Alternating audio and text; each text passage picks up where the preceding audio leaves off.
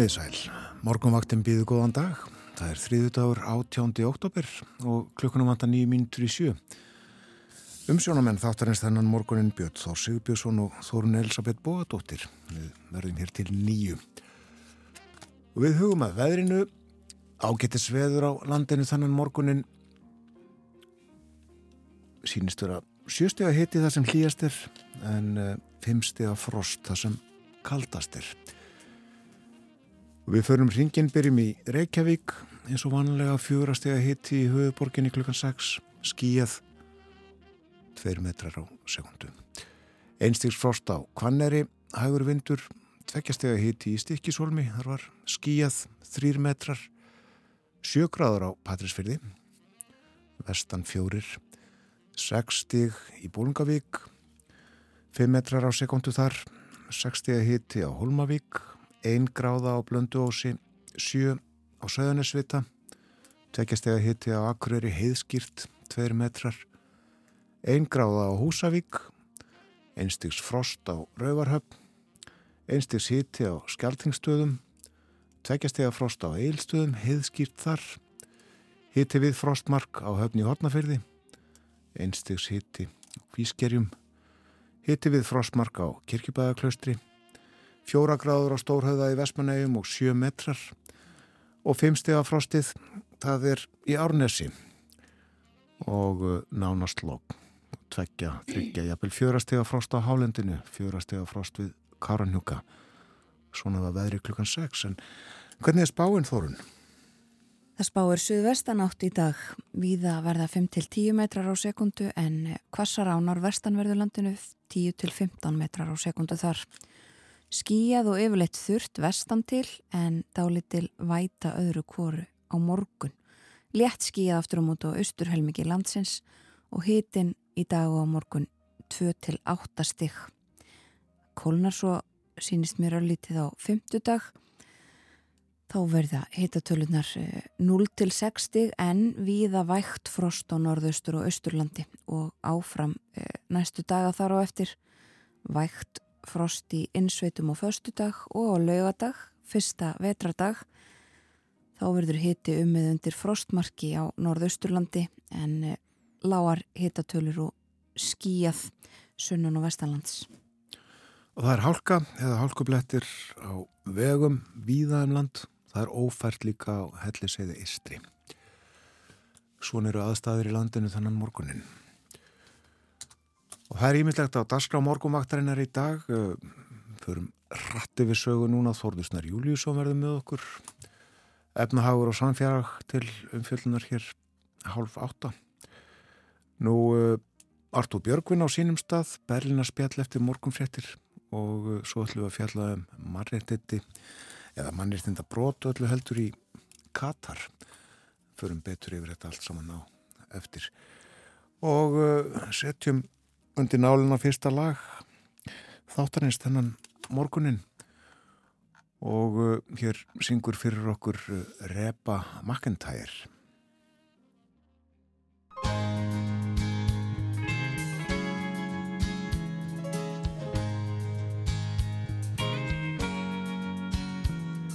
I took him for granted now looking back at it he's not the only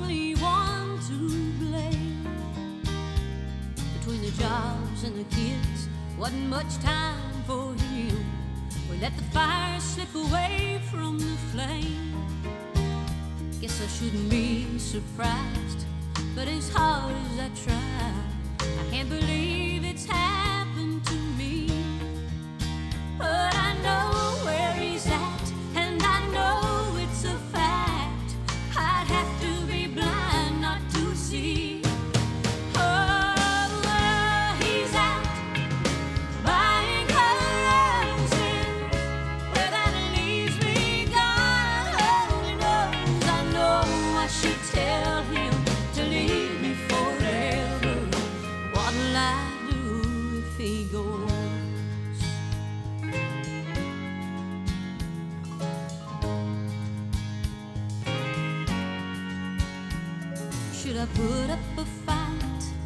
it matter who's right? Should I ruin my life for my pride? Can we save what we had? And if he came back, will I ever?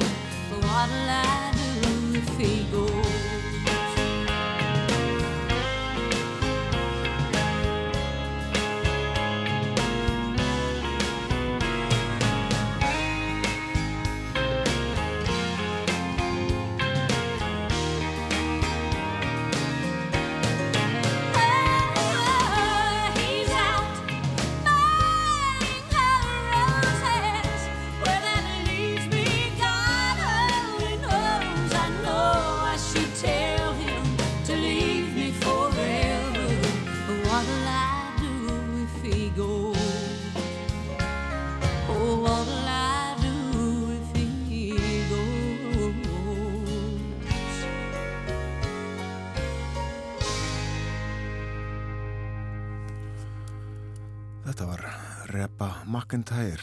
Hún er eina af uh, nokkrum söngkonum, sveitasöngkonum sem að kallaðar hafa verið drottningar sveitasöngkona.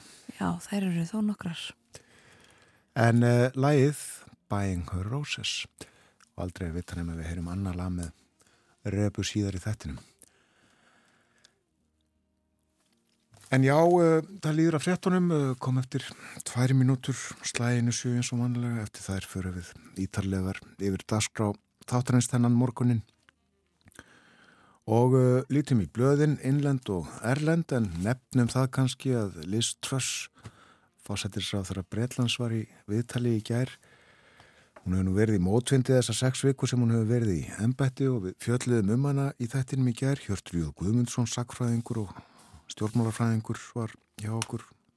Fórum yfir stöðuna og spáðum í spilin. En hún var bísna brött í gæri það ekki þorun? Jú, um, hún var brött, uh, sagðist uh, munu leiða flokkin áfram og var spurð beint af því hvort að hún yrði leiðtói flokksins og uh, í næstu kostningum og hún fullirti það, hún uh, endur tók spurninguna sem fullirðingu, svo viss var hún og uh, svo var hún spurð, ertu alveg viss og þá sagðist hún ekki vera að einbeta sér að innanflokks erjum í flokknum, hún væri að hugsa um aðra hluti. Já. En Me- meira kannski af henni á eftir. Akkurat. Við hingrum eftir réttunum, fáum okkur aðeins meira kaffi.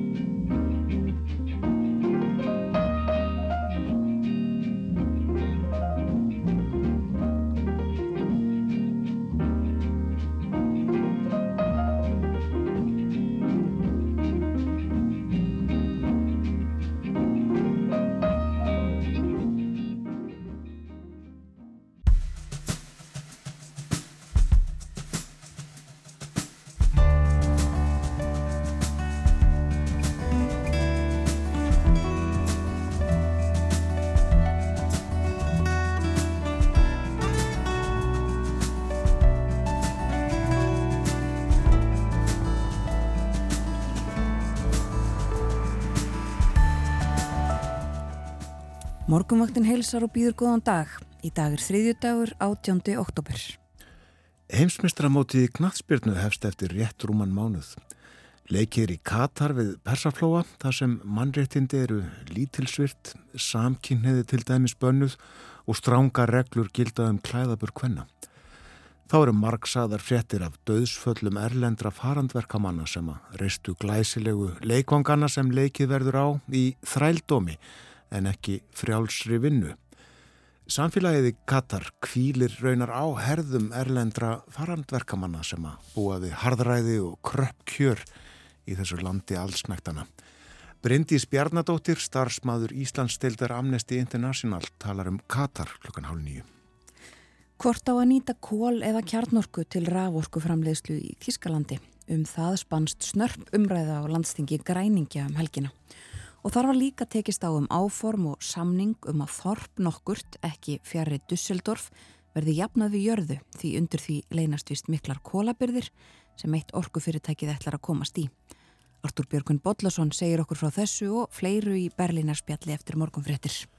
Þórðursnar Júliusson verður líka með okkur í dag í spjalli um efnahag og samfélag fjallar hann meðal annars um þá ætlan innviðar á þeirra að færa alltaf 6 miljardar króna frá ríki til sveitafélaga til að mæta kostnaði þeirra af málarflokki fallara. Líferi sjóðir og áfengi koma einnig við sögum. Þórðursnæri verður hér upp úr hálf átta. Umsjónarmenn morgunvaktarinnar eru Björn Þór Sjöbjörnsson og Þórun Elisabeth Bóadóttir.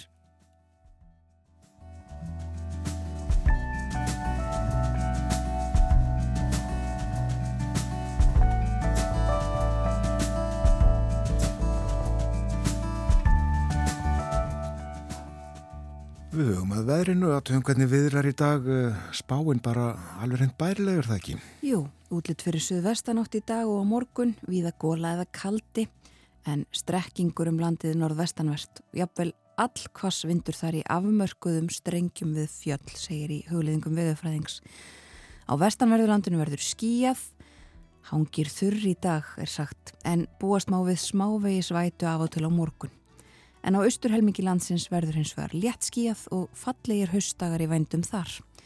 Það var frekar kallt í norðanáttinu um helgina en með suðvestanáttunni færist mildari loftmassi yfir landið og hiti verður víða á bylunu 3-8 stygg. Og uh, hún er falleg höstmyndin á fórsíðu fréttablaðsins í dag sem að Anton Brink tók við ægisíðu í Reykjavík í gertrúi ég. Má sjá krakka ærslast á ærslabelgnum þar og uh, sólinn svona við það að setjast byrtan hlý og falleg já. En uh, á fórsíðu fréttablaðsins er viðtal við félagsmálar á þeirra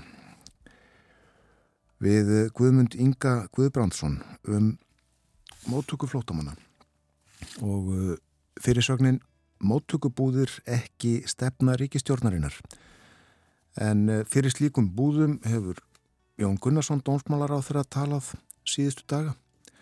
En félagsmálar á þeirra Guðmundur Ingi segi slíkar búðir kvorki vera á stefnusgrá ríkistjórnarinnar nýja ráðuneytisins. Og uh, hann segir uh, ég lít á þetta sem pólitískar skoðanir og áþarfið pólitískar skoðanir dónsmálar á þess Þeim eru auðvitað algjörlega frjálst að hafa sínar uh, pólitísku skoðanir en þetta er ekki stefna mín sem ráþöra sem fer með þjónustu við flótafólk og þetta er ekki stefna ríkistjórnarinnar.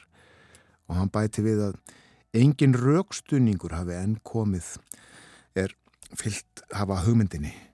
Eh, Jón hefur sagt, svo ég vitni áfram í frettablaðið, að algjört stjórnleysi ríki í landinu vegna aukins fjölda umsækjenda um vernd og að við því þurfum við að bregðast en Guðmundur Ingi er ekki sammála því. Og hann segir ég á svo litið erfitt með að átta mig á því hvar þetta stjórnleysi er og þess vegna finnst mér umræðan svo litið absúrt mér finnst hálf hjákáttlegt að halda þessu fram þegar mörg önnu ríki standa frammi fyrir mun stærri áskorunum en við Stjórnleysið sem Jón tali um tilheri ekki þeim hluta málaflokksinn sem hann stýri en ráþra verður náttúrulega sjálfur að svara fyrir það hvort það sé í þeim hluta sem hann stýrir. Já, það uh, er allt annar tótt hjá Guðmund Inga heldurinn hjá Jóni Gunnarsinni og þeir tala eiginlega eins og þeir séu ekki saman í ríkistjórn. Og uh, þessi mál til umfjöldunar í þinginu í sérstakri umræði í gær og sagt var frá, frá þeim þar. Uh, Jón Gunnarsson ekki gaggrindur af, af uh, stuðningsþingmönum ríkistjórnarinnar en fekk að heyra það frá stjórnarnarstöðinni. Nú morgunblæðið fórsýði myndin þar tekin uh, inn í flótkví hjá velsmiðju Orms og Víglundar í Hafnafjörði. Það er Herjólfur. Herjólfur gæjist út úr flótkvinni, segir hér. Og svo er fjallaðið mikil batamerki sem eru í mörgum atvinnugreinum. hefur uh, vangast hagur þeirra frá því fyrra og uh, sínt hér súluritt á forsiðunni því til sönnunar og þarna teknar þrjár aðtunugreinar uh, flutningar með flugi, mikill vöxtu þar um 140%. Rekstur gististaða, uh, vöxturinn þar 116% og álvinnslan 55%. Ef við þá að fara til Breitlands aftur Þórun Elisabeth, við uh, nefndum aðeins hér fyrir fréttinar klukkan 7 að uh, Liz Truss fósættir sá þegar Breitlands var í viðtali í gær. Já, hún var í viðtali við Breska Ríkisútvarpið í gerðkvöldi og uh, var þar först á því að hún myndi sitja áfram, hún væri ekki á förum úr embættinu. Um, það hefur verið mikið rætt um það að hún eigi í rauninni bara nokkra daga eftir í embætti fósættisáþurra og munum þá að hún hefur bara setið í, í því embætti í örfóra vikur en um, öll blöðin bresku fjalla um þessi mál um Liströss og hennar um, hennar mál í dag hennar tilraunir til þess að já, endur uh, koma á á ný uh, efnagslegum stöðuleika í landinu. Um, nýr fjármálar á þeirra hennar Jeremy Hunt um, setti fram hugmyndir í gæri í þinginu og uh, snýri eiginlega við öllum hennar fyrri áformum. Og blöðin fjalla öllum þetta og, og mörg þeirra segjar hennilega Liz Truss stjórnar ekki lengur. Hún er hún er í fórsættisraðunitinu en hún er ekki við völd og uh, sum gera mikið úr myndri niðurlægingu hennar að hafa setið þarna og hlustað á fjármálar á þeirra sem uh, snúa öllum hennar áformum á kvolf. En uh, já, Tröss sagði í þessu viðtali í gerðkvöldi að hún hegðist halda áfram og hún erði manneskjan sem myndi leiða íhaldsflokkin inn í næstu kostningar. Hvernig sem það er svo sem verða. Þeir hafa nú séð ímislegt í pólitíkinni breytarnir en þetta er alveg sérstök staða. Já, um, það er alveg óhætt að segja það og, og einhver staðar hafi verið bent á það að forsætisráð þeirrar um, þeim vegnar ekki vel eftir að hafa þurft að reka fjármálur á þeirra. Þeir uh, þurfa eða hafa að minnstakosti allir held ég sagt af sér skömmu síðar. Það er búið að taka það saman, já. Já, það er búið að taka þetta allt saman saman en um, örlítið kannski af öðru svíjar hafa fengið nýjan fórsættisráð þeirra Úlf Kristursson staðfestur af þinginu þar og það er aðalum fyllunarefnið á fórsýðum sænsku bladana og útlendingamál, flóttamannamál eru á fórsýðun á aftenpóstunni í Noregi þó ekki í Noregi heldur í Tyrklandi sagt frá stórtækum áformum Tyrkja sem að tóku við miljónum flottamanna frá Sýrlandi. Nú hafa Tyrkir sett fram áformum að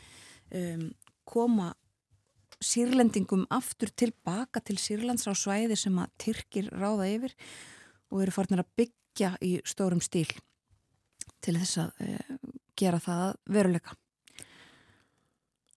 Meira erlend setna en kom heim. Óhug sattið að fólki þegar fréttist af ofbeldisverkum þryggja táningsstráka í miðborg Reykjavíkur á lögataskvöld.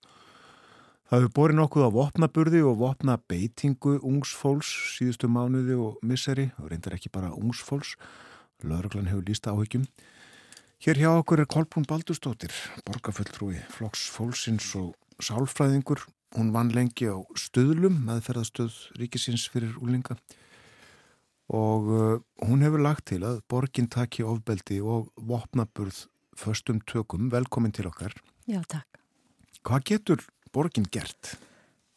Borgin getur gert ótal margt. Fyrst er náttúrulega bara að horfast í augu við þessa þróun eða byltingu eins og sem við vilja kalla það og setja sér í stellingar, búa til vettvang, sérstakann vettvang, eh, valina einstaklinga, hvort sem það verður þver politíst eða meira starfshópur og börja að skoða hvað er að gerast í borginni. Það er jú, þetta er jú stæðsta sveitafélagið og hér er það miðbærin og allt í kringum hann og það hafði þessi tilvíku verið að gerast þar, ekkit bara þetta sem var núna þessa helgi heldur Það búið að vera svona slóð, svo litið af svona tilvikum og það er það sem flokkur fólksins vil leggja til í borgastjórn í dag að það verði myndaður svona ákveðin vettangur, hópur sem myndi virkilega byrja bara að kóra yfir þessu, skoða þetta, rína í þetta og koma í framhaldi með svona viðspyrnu eða mótvægis hugmyndir, aðgerðir hvort sem það er eitthvað sem þarf að skoða meira með skólasamfélaginu eða íþróttarhefingunni þetta eru þetta bara eitthvað sem við öll einhvern veginn verðum að, að taka ábyrð á bæði stjórnvaldið þetta en líka foreldrar skól, skólinn, skólasamfélagið og bara borgarar, þetta er svo stort Já. Þú þekkir þetta og þetta vel, eh, vannst lengi á stöðlum eins og ég saði frá áðan eh, hefur þú einhverja hugmyndir um hvað er á segði í samfélaginu? Ég veit ekki, ég kannski hef ég hugmyndir. Þetta held ég að hafi farið í gegnum svona huga okkar flestra eh, ákvæmna spurningar þegar maður heyrir af þessu, þetta, er svo, þetta eru krakkar, þetta eru börn, þetta er stundu börn gegn börnum en, en kannski það sem núna var sló okkur öll var að það eru börn uh, gegn fullornum jáfnvel og með hennar svona einbeitta ásetning að fara út með vopn í hendi til að meiða, jáfnvel drepa og þetta kom upp alls konar hugsanir en, en ég hef svona lært það í gegnum auðvitað minn feril sem sálfræðingu til meirinn 30 ára, svona áður en ég fór í borgina að hérna maður þarf að gæta sín svolítið að, að svona flan ekki einhverjum auðvildum álugtunum mjög oft er mann ég eftir því þegar ég var á stuðlum að það var oft spurt, er þetta ekki bara erfiðir foreldrar, allt í klessu heim, á heimilinu? Auðvitað var það oft hannig en það var ekkert endilega sjálfgefið, þetta er oft bara getur, eh, maður veit aldrei hvaða fólk og fóröldar lendi vandraði með sín börn, það getur verið svo ótal margt sem er þarna undirliggjandi og við vitum náttúrulega ekki neitt til þess að geta sagt eitthvað um svona. Þannig að ég vil svona varast alltaf dómhörku í svona málum en þakka bara fyrir það að við eigum mjög stert barnaðandakerfi, myndi ég segja og það hefur verið að, að hérna, bæta mjög vel í það sístu árin. Borgin hefur verið að, verið að breytast og það hefur fengið mér að fjármagn kerfið okkar og það bara veitur ekkit af því að þarna þarf að taka utanum foreldrana, fjölskyldunar sem hljóta verið áfalli þegar að svona kemur upp og svo verður við sem samfélag að fara í að skoða hvað er að gerast, er, hver eru áhrif af valdarnir og ég er alveg samfærð um það að það er ekkert einfallt svar við því. Nei, sumi nefna samfélagsmiðla Já, ég, sjálfsagt eru það alveg engin spurning sterkur áhrifavaldur en ég held að það sé ómikil einföldun að segja að þetta sé bara allt netun að kenna og, og væri ekki netu og samfélagsmiðlar þá væri allt gott. En það voru hérna áður fyrir, ég veit ekki hvort þú mannst að björn en eh, komin á þann aldra mun eftir svona einhverjum bylgum ég man þegar að núa játnin voru eh, mikið tíska við maður orða svo en það komur svona bylgur en kannski þetta er öðruvísi að því leitum til að þannig er verið að nýfa burður sem dæmið með bötsi með nýfa í skólatöskunni. Þannig að þetta er aðeins öðruvísi og, og þegar svona ásetningur er að meiða bara einhvern að þá bregður manni, við og þá þurfum við svolítið að fara að hugsa okkar gang. Hvað er þarna baki? Þarf, þarf ekki að koma þá eitthvað til sterkar og meira taka utanum fylgjast meira með þeim fjölskyldi sem er í vanda Svo getur verið ímiðskona raskanir hjá börnum sem við vitum ekkit um hvernig er að spila inn í eru fóröldra ráða við að hjálpa barninu sínu. Síðan er það jú netið og samfélagsmiðlarnir. Hvernig er með regluna? Það eru reglur inn á þessa miðla. Hverjir eru að fara eftir þeim? Það er kannski mjög misjamt. Mm. Síðan er allar þessar tilfinningar sem hljóta að vera í spilinu. Reyðin, hvernig er hún að spila inn hjá börnum? Man spyr sér um samkendina því að eins og við vitum að flest börni er að fæða svona með þessa samkenda tilfinningu að byrja að þykja væntum dýr eða bara bánsana sína og hvernig fær hún að þróast hjá barninu og, og svona og, sko verða áfram þessi fallega samkendar tilfinning en ef að hérna, ef að bati líður illa þá er mjög erfitt að, að, að þróa með sér einhverja mikla samkend gegn hvert öðrum. Þannig að þið sjáu bara hvað er margslungi mál og mér fyrst við í borginni og flokku fólksins og kannski ég náttúrulega sem oddviti og með mín, mína sálfræðinsarinslu ég vil að við tökum virkilega á þessu ég vil að við ræðum þetta og við lögum þetta málin á förstu daginn í fórstættist nefnd þegar við erum að móta dagskarana Daginn eftir kom þetta ræðilega tilvik í frettir þannig að þá sá ég að það er bara ágætt, það er heldur betur tímabært og, og ég vel hefði átt að vera fyrir á ferðinni. Já, Já við gerum margt uh, vel en uh, rifjum nú upp að hér fyrir uh, fáinum dögum eða vikum var umbóðsmaður barna og voru að segja okkur frá byðlustunum eftir til dæmis greiningum. Þeir bara lengjast og lengjast. Hvað finnst þér um það? Já, umbóðsmaður barna var um þetta að tala um bygglista hjá ríkisvaldinu, hjá eins og barna og úlinga geðveld og, og, og þeim stopnunum og ég átti mitt samtali við hana þennan dag því að ég vildi svona líka minna á að í borginni býða núna yfir 2000 börn eftir sálfræði og talmeinafræðingum og fleirum. Þannig að hérna, þess vegna fórum við mitt að staða aftur. Ég er nú reynda búin að vera að tala um þetta alveg í fjögur ár og ég var að segja við þau í borgastjórn, ég, hlýtti að vera að æra hópin þannig, ég var eins og, eins og bylu gramafónplata, en þannig hefur við líka mistökin, uh, bygglistar, barna, börn eiga þetta ekkert að býða, þau ekkert að vera látin býða þegar þeim líður illa, við erum virkilega að leika okkar á eldunum með því en bæði ríkisvaldið og borgarstjórn og svo meiri hluti sem hefur ríkt hérna ég er að tala alveg 15-20 ár hefur sopnað verðinu með þessi börn, ég, ég bara segi það alveg hreint út. Og ég vil núna virkilega við förum að rýna í hennar lista og það er þarna fjármagn sem er ennþá óráðstafa þegar ekki fengist sálfræðingar, við verðum að finna leiðir til að fá fleiri hendur til að taka á þessum lista. og það vil nú svo skemmtilega til og ég, að ég vil nú rósa þeim sem sko þegar hægt er að rósa að það koma máli við mig uh, fulltrúi framsóknar í borgarstjórn og óskað eftir því að við myndum reyna að fá að vinna saman, komast að þessum í þennan lista, fá að gramsa þess í honum og aðtöða hvort við getum hjálpa til. Og, og svo hugmynd er í skoðun hjá velferðar yfirvöldum í borginni og ég vona núna í fyrsta sinn kannski mitt á þessu tímabili sem hefur nú verið oft átök eins og þið vitir mm. að þá kannski fáum við að vera með í minni hlutunum, með meiri hlutunum að vinna þessu mikilvæga máli, ég vona það. Já, Já eh, tilaga ykkar eh, gengur út á að settu verði að fót stýrihópur til að breyðast við auknum vopnabörði meðal úlinga hver eh, er þau svona fyrstu verk þessa eða slíkshóps? Mundi að sapna upplýsingum afla upplýsinga, skoða líka þessi tilvík og sjá hvort að hægt er að sjá hvort þráð og síðan að leggjast yfir með skólasamfélaginu og íþróttarhefingunni því að þetta, við þurfum að gera þetta með þeim sem er að sinna börnum og eru með börn, börnum í daglegu starfi og finna hugmyndir um hvernig getur við komið inn með fræðslu, aðgerðir, námskeið fyrir foreldra, farið inn í bekkin að tala við börnin og virkilega rætt það að, að líka svona tilvik fylgir gerandanum. Sérstaklega hann setur síðan eitthvað á netið og það lifir forever, sko, ásakja, ég segi það bara reynd út, að við þurfum að segja börnunum að fullorðins lífið er ekki eitthvað annað líf. Næsta líf, það er handan við hornið. Og þegar þú ert með eitthvað svona á þér og staðfesting á því hvort sem það hefur verið sett í efni á, á vefin eða einhver mann eftir því að þú barðar hann í hausin og, og hann var meðundundarlaus á sjúkarúsi það er bara aðtök sem er mjög erfitt fyrir fullanin einstakling sem var einsunni gerandi. Þegar hann er að sækja um vinnu og komin í háskóla og er farin eitthvað sín börn og ég vilja ræða svona við börnir, bara tengja þetta svolítið. Þið verði ekki alltaf úlingar sem haldið megi gera allt, þið verði bara um fullarði fólk sem þurfa að taka ábyrð og þá er þetta þarna.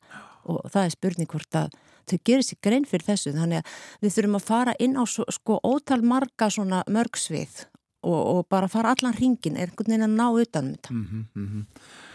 Og ímsar uh, upplýsingar til og, og þetta, þekking. Við um fullt, fullt af fólki sem að uh, umgengst börn og ólenga alla daga og hefur einhverja svona einsinn inn í líðara. Já.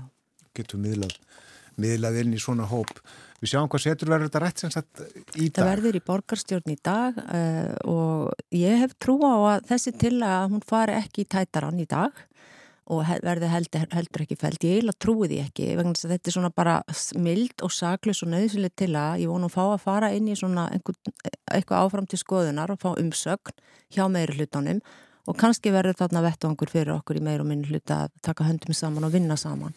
Og ég laka mjög til að fretta og sjá bara hvernig þetta fer í dag.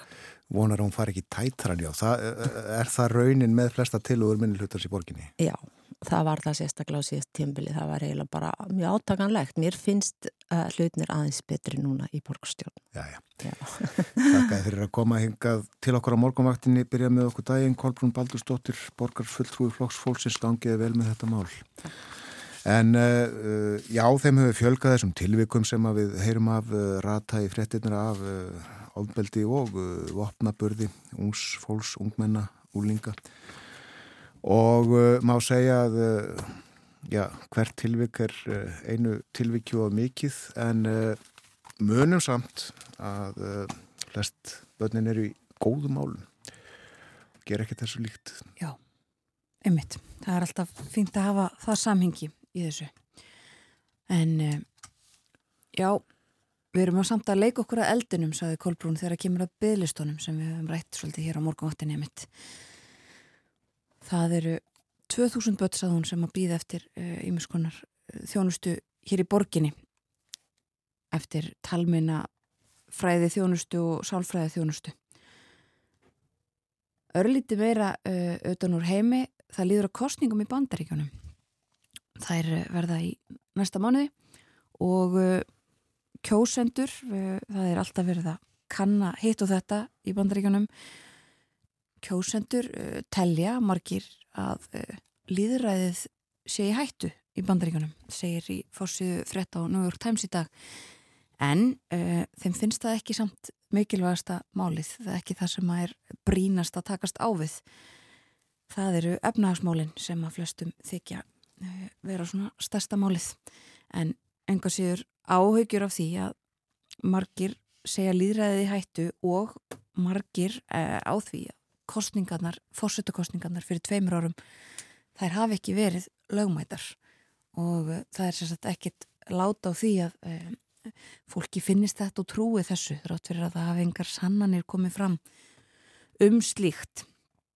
Og uh, Donald Trump sem að tapaði mitt í þeim fórsetakostningum uh, líka í annari fórsíðu frétt á New York Times hann, eða hótelin hans þau rukkuðu öryggiskeslu alveg upp í topp þegar að Trump eða hans fólk gisti á sínum eigin hótelum meðan hann var fórseti þá þurftu þetta fjöldan allan á öryggisvörðum með og það var alveg rukkað upp í topp Já.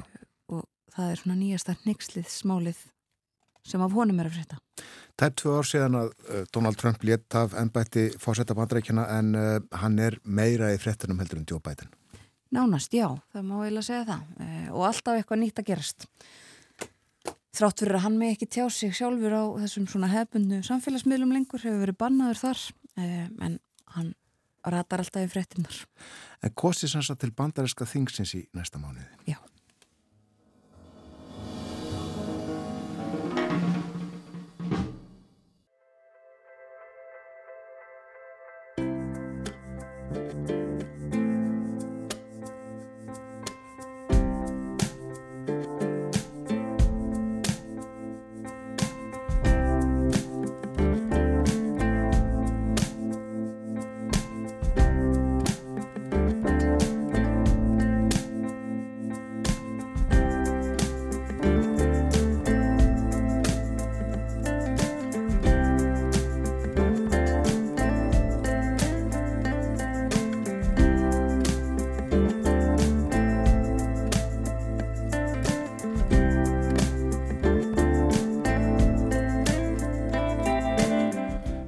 Aftur þegar það hlusta á morgunvaktina á Rás 1, það er þrýðu dagur í dag 18. oktober, klukkan réttliðilega hálf átta. Það verður ágættis viður á landinu í dag, suðvestanátt, viðast hvar 5-10 metrar á sekundu eitthvað soliðis, kvassara þó á norðvestafjörðulandinu, vindræðin þar að 15 metrum. Skíjað og yfirleitt þurft vestan til, dáli til væta öðru kóru á morgun, en létt skíjað á austurhlutalansins og hitti í daga áttastegum. Kolbrún Baldurstóttir, borgarfulltrúi Flokks Fólksins var með okkur áðan. Hún uh, sað okkur frá tillögu sinni í borgarstjórnum að borgin komi á fót stýrihópi held ég að hitti, frekarinn starfsópi, sem að uh, fjalli um vopnaburð og ofbeldi ungmenna. Við sjáum, sjáum hvernig ferum það mál í borgarkerfinu. En uh, aðeins að þinginu, þingfundur hálf tvö og uh, meðal mála og darskrá tillaga Bergþós Ólasonar um að uh, byggðverði sorpbrennslustöð, hátækni sorpbrennslustöð. Og svo eru þarna fleiri mál, almenn hegningalög, bælingameðferð, þetta er mál sem að Hanna Katrín Fridriksson mæli fyrir félaga frelsi á vinnumarkaði réttindi og skildur starfsmanna ríkisins og, og ímis fleiri mál líka á dagskrá. En fyrir hádegi, rétt upp úr nýju, þá efnir efnahags og viðskiptanemn til opinsfundar um efnahagsmál og uh, þau koma fyrir nefndina verða gestir fundarins þau Ásker Jónsson, sælabankastjóri og Ranveig Sigurðardóttir Vara, sælabankastjóri og fjallaðum ástand og horfur í efnahagsmálum út frá peningamálum uh, út frá uh, út frá, já hvað á að segja uh, mati peningastefnu nefndar sælabankans á stöðinni og uh, það sem að uh, peningastæfnum nefndin lagði til grundvallar síðast þegar hún ákvaða hækka vextina. Og uh, meira af efnahagsmálum á þingi hingaði komin Þorusnar Júliusson rittstjóri Kjarnans og við ætlum að byrja einmitt á uh, nýju frumvarpi sem að Bjarni Benediktsson fjármúla efnarsráðara hefur lagt fram um breytingar á lögum um lífeyrissjóðu. Góðan dag Þorusnar. Góðan daginn. Hverju stendur til að breyta samkvæmt þessu frumvarpi Bjarnar? Eh, það stendur til að breyta ymsu. Eh, stóra breytingin er eh, ja, breyting sem var lög til í vor en náðu ekki fram að ganga fyrir þinglokk þá og snýrum það að, hérna, að auka það hlutfall af erlendum egnum sem íslenski lífur í sjóður mega eiga. Mm. Eh, núna er, eru lögin þannig að þeir mega eh, bara vera með 50% af egnum sínum erlendis og þeir þóra ekki að fara upp í 50% þakkið vegna þess að auðvitað sveiblur á gjaldmiðli geta gert það að verkum, okkar e, gjaldmiðli geta gert það að verkum að þeir reki sig upp í eða yfir þakkið e, og það stendur til að breyta því líka þannig að það verður miðað við sagt, verði þegar eignir eru kiftar ekki eftir því hvernig það sveiblast mm. þegar að vera reikn út hlutfallið og núna á að taka sagt, upprunlega þegar uh, draugað frumvarpi, sambarlegu frumvarpi voru kynnt í vor þá að taka hérna, mjög varfærin skref og hækka um 1% á ári til 2038 heimildina og þá ættu þeir að fá eiga 65% af egnu sínum utan Íslands.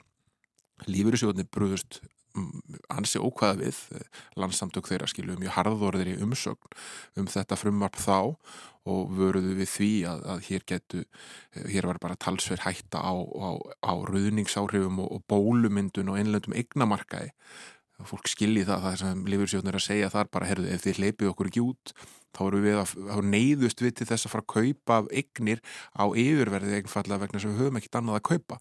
Og, og, og búum til verð sem er ekki grundvallað í raunveruleikanum fyrir vikið.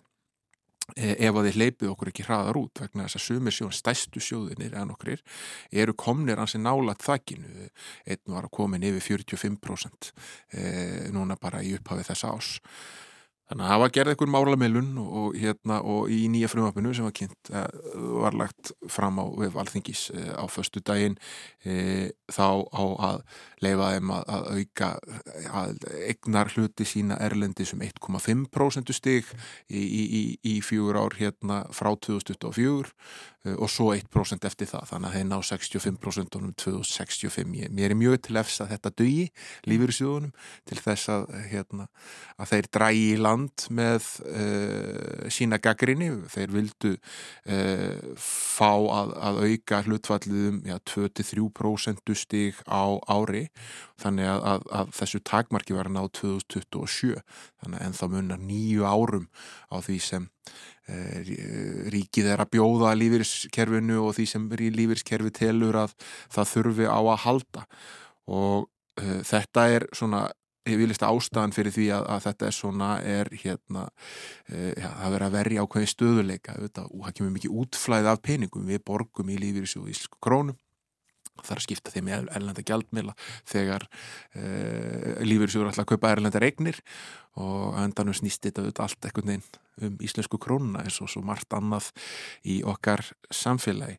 Eh, annað sem er afar aðdeglisvert í þessu frumvarfi er að það stendur til að breyta fyrirkomulagi og þetta hljómar gríðala óáhugavert. En er það ekki að breyta fyrirkomulagi því hvernig upplýsingar um yðgjalds eh, söpnum lífyrsréttinda eru sendar út?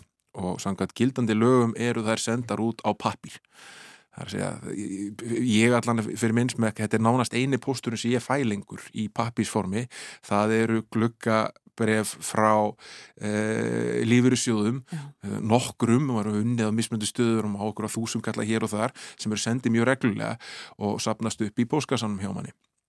E, vegna þess að þetta eru þetta líka allt aðgengilegt að netunu um all fylgjast með þessu þá bara sér maður þetta þar. En hérna þetta er lögbundið, það verður að upplýsa fólk með þessum hætti og það kom mér óvart þegar ég var að lesa yfir frumöpi núna að kostnaður lífyrsjóðuna vegna þessara papirsendingar áallar 200 miljónir krónu ári. Og uh, þetta eðlilega viljum við, eigandur lífyrsjóðuna, spara okkur og nýta í eitthvað uppbyggilegar en að senda út gluggakpost Uh, og nú stendur til að breyta þessu í þessu frumarfi þannig að í staðin fyrir að það sé skild að senda út á papír þá verða allar upplýsingar aðgengilega rafrænt en þú getur óskað eftir því að fá þetta á papír þannig að þú þarf að byggja sérstaklega um það.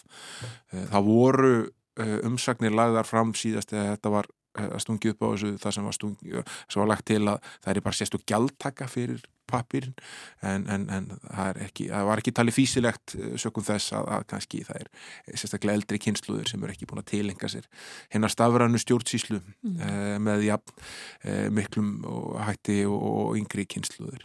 Það fólk sem sagt svo við bara uh, nýkjum á því það getur áframfengið bref. Já það þarf að byggja um það sérstaklega. Já, já. Þannig að ef, ef, ef að lögum er samþitt þá er þetta svona, hérna, ef maður lefur sér að slepp, sletta þá er þetta ekki sko opt-out áður hurtur að byggja sérstaklega um það að fá ekki papirinn, núna er þetta opt-in, þú þarf að byggja sérstaklega um það að fá hann. Og þetta, eins og ég sagði á hann, getur sparað þetta 200 miljónir króna á ári sem er dágóðu peningur e, í eitthvað sem eitthvað neginn virkar ekki mjög vitrænt í nútíma samfélagi þegar það er að hætta að hafa þessar upplýsingar aðgengilegar eh, alltaf með stafranum eh, leiðum fyrir fólk og þetta eh, er stort umhverfismál að vera ekki að, að byrta upplýsingar á pappir þegar það er algjörlega óþart. Pósturinn og uh, pappisalar mótmæla líklega. Já, það verður aðtiklisvægt að sjá ef að slíkar umsagnir berast eh, og hvernig þær verða raukstutar. Það hlýtu þó að vera einvörðung út frá, frá sín, þeirra viðskiptalögu hagsmunum. Já, um, áfram tengt pólitíkinni, um, Sigurður Ingi Jóhansson kynnti tillögur fyrir helgi. Um, breytingar, það verður verið mikil umræða um uh, málumni sveitafélagana, fjármál sveitafélagana hann kynnti tillegur um uh, breytingar til þess að koma til mótsu sveitafélagi. Já, uh, það var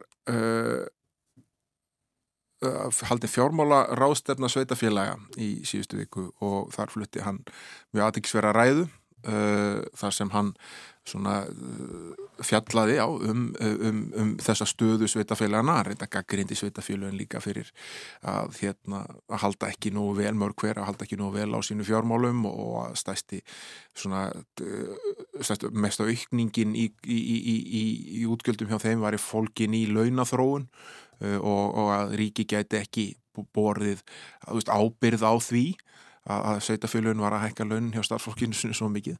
Eh, en eh, aðalmálið snýst um, um, um þessa tilfæslu á málaflokki e, þjónustu við fatlaða eða þess að málum við fatlaða einstaklinga sem voru færðir frá ríkit sveitafélaga árið 2011 og sveitafélagin hafa reiknað sér niður það að uh, árið 2020 uh, sé gliðnun á milli tekna og gjalda, það er að segja þær tekjur sem fyldu með þegar máluflokkur á færður og þau gjöld sem uh, það kostar einfallega að sinna þeim sem þurfa á þjónustu innan þessa máluflokks að hann hafi séu um 9 miljardar ári fyrir öll sveitafélagin og þeir reikna með því að svo tala verið 12-13 miljardar á þessu ári. Já. Þetta er einhver smá upphæðir og, og og það sem uh, kom fram, svona, það kom fram í setningaræðu uh, formans félags sveitafélag, sambandsísliskar sveitafélag uh, Helmstóttur að það þyrti að fá niðurstöðu fyrir fyrsta desember. Það likur á. Þetta er akút mál og það sem innviðar á þeirra bóðaði, eða komið velt upp þeirri hugmynd að, hérna, að mæta þessu að hluta færa 5-6 miljardar tekjur úr ríkisjóði til sveitafélaga með því einfallega að uh, hækka útsvar sé að þann skatt sem sveitafélugin mega leggja á sína íbúa um 0,26% stig og lækka tekjuskatt á móti um sama próstusti uh, og svo auðvitað les maður það í framhaldinu að þetta er ekkert sérstaklega verið rætt í ríkistjón það er ekki búið að leggja þetta mál fyrir þar þetta er ekki hluti af, af uh, þeim ramma sem er laður fram í fjárlega frumapinu þannig að ef að, að leysa þetta fyrir 1. desember þá eru hans mikil vinna fyrir höndum, það er að segja bæði uh, pólitísk samtöl millir þeirra flokkar sem standaði ríkistjórnur en ekki síðu bara í útfæslunni Já, en mitt uh, tekjur ríkistjós uh, myndu minga en þessar 5-6 miljardar auðvitað, en uh, þetta er auðvitað risastórt mál og sveitarstjórnarfólk sumt sagt, það er bara best að ríki takja þetta aftur, þennan málflokk Já og uh, maður sér þetta líka umsögnum sko sveitafélag og kannski sérstaklega uh, Reykjavíkuborgar um fjórlega frumarpið hvað hérna uh, hvað þetta er orðið afskaplega þungt auðvitað Reykjavík langt stærsta sveitafélagið en það eru fleiri sveitafélag sem eru að svona sligast undir undan þessu. Það, en það eru aðri málaflokka líka sem eru sumu sveitafélagum erfiðir til dæmis Eh, íslensku kjensla fyrir börna verðlundum uppruna þar sem sko Reykjavíkuborg er í málaferlum við ríkið upp á ma marga miljardar vegna þess að, að Reykjavík er eina sveitafélag sem er undanskilið greiðslum úr jöfnunarsjóði sveitafélaga e, þar út af því að það er svona hámark á íbúafjölda sem á fá og eina sveitafélagi sem er hifið þeim íbúafjölda er Reykjavík. Og það eru alls konar svona hlutir sem e, eru kannski venilegu fólki dálta ílskiljanlegir vegna þess að hugmyndin á bakvið þessi mismundi stjórnsýslutík er það og, og, og tilfæslu verkefna á millið þeirra er það að, að bæta þjónustu. En ef að hérna, þjónustan er ekki e, fjármögnuð þá á endanum stendur e, sveitafélagið fram fyrir því að það þarf einfallega að skerða hana. Mm. og, og það gæti bara raunverulega orðið niðurstaðan ef að, ef að ekkit breytist Já, heiða Björga mitt eh, rætt á þessum nótum þegar hún var hér hjá okkur á morgunvaktinni fyrir skömmu þegar hún var að taka við. Það væri ekkit margt annað í stöðunni fyrir sveitafélagin að gera heldur en að skerða þjónustu. En uh, ef að færa okkur í fríöfnina?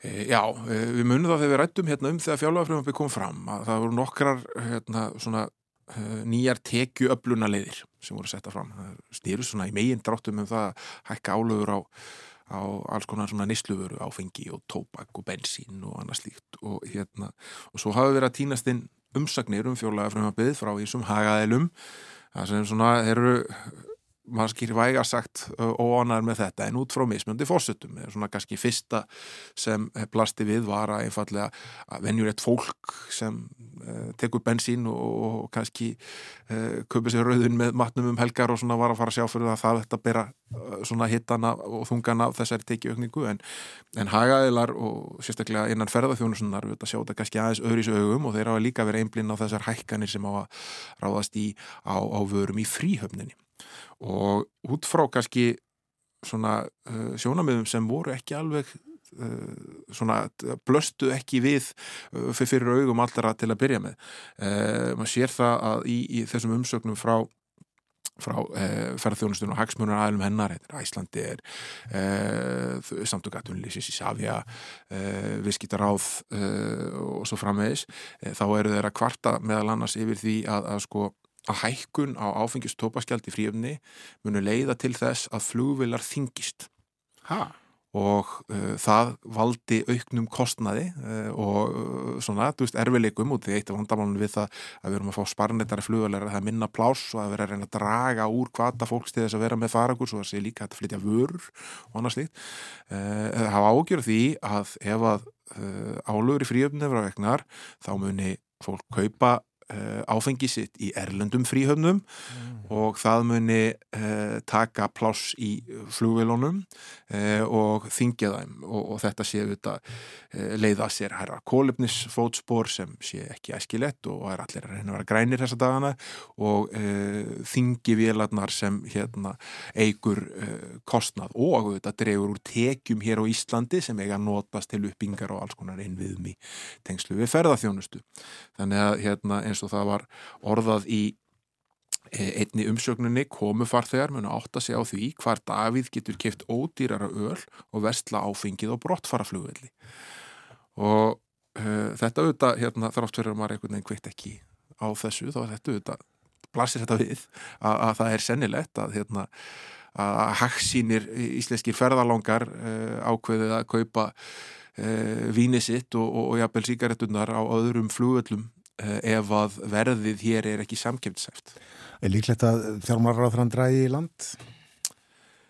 E, maður veit ekki, það er nokkið margar aðrar tekjuöfluna leiðir sem eru settar fram í þessu frumvarfi, það eru þetta líka gaggrínt bara þessar almennu hækkanir ég minna fórstjari Æsland, Æslandir gaggrinir mjög ímsögnir sinni uh, hækkanir á gjöldum þú veist, áfengisgjöldum, tópaskjöldum eldseitsgjalds uh, innanlands segir að þetta gerir bara Ísland enn dýrara Ísland sem þegar er orðið með það orð á sér að vera mjög dýrt ferðamanna land og þetta getur þá dreigið úr kvatanum fyrir ferðamennina að koma hérna á samgetsefni Íslands til þess að laða þá til landsins uh, og hefur ágjör að því að sko þetta ár sem við erum eiga núna sem er gott ferðamanna ár uh, sé daldið aflegginga því að það voru stóri ferðasjóðir hjá fólki sem eru núna tæmast og verða ekki til staðar á næsta ári þegar það spá samdrætti víða í heiminum og mikið verðbólk og allt það.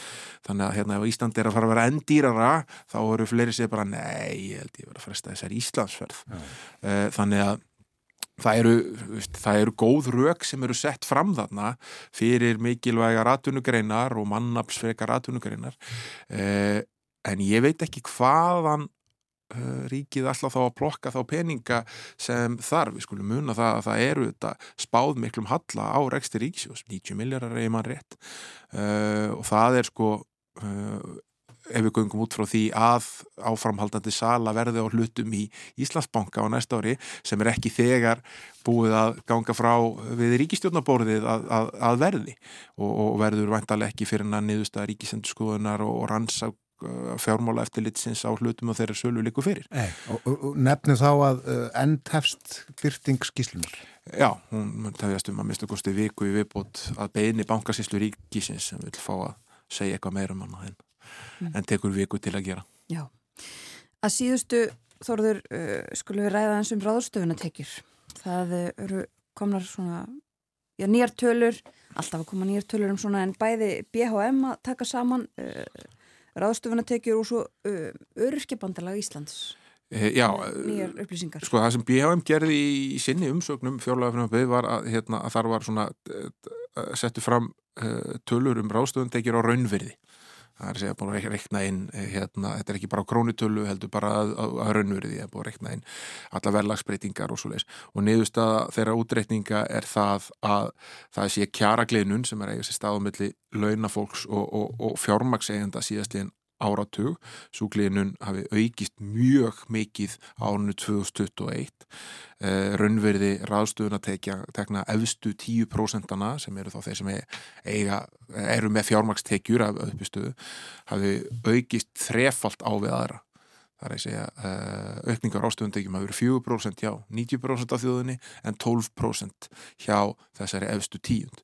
Og Uh, á tíu árum hafi kaupmáttur fjármastekna aukist um 85% á meðan kaupmáttur atvinnutekna, það, er, það eru peningandi sem við eignumst hérna launafólki uh, aukist um 31% þannig að þarna sé uh, verulegur munur á og þetta auðvitað er, er, er afar aðtækisverð hinliðin sem þú nefndir er hérna örkibandalagi tók samband eða gerir könnun á meðal e, síns mengis og, og til þess að, að reyna að fá svona skýrari mynd á því hvernig þau eru að eigða sínum penningum og þar komið ljósa, það er, ein, það er rúmlega einna hverjum tíu e, örkjum sem er að greiða yfir 75% af rástöðunatekjusunum í húsnæðiskostna og það því það að þú ert með sem 200.000 í, í, í, í rástöðunatekjur á mánuði sem er ekkit eh, fjastöðkjent tala þegar fólk er á kannski svona strípuðum bótum eh,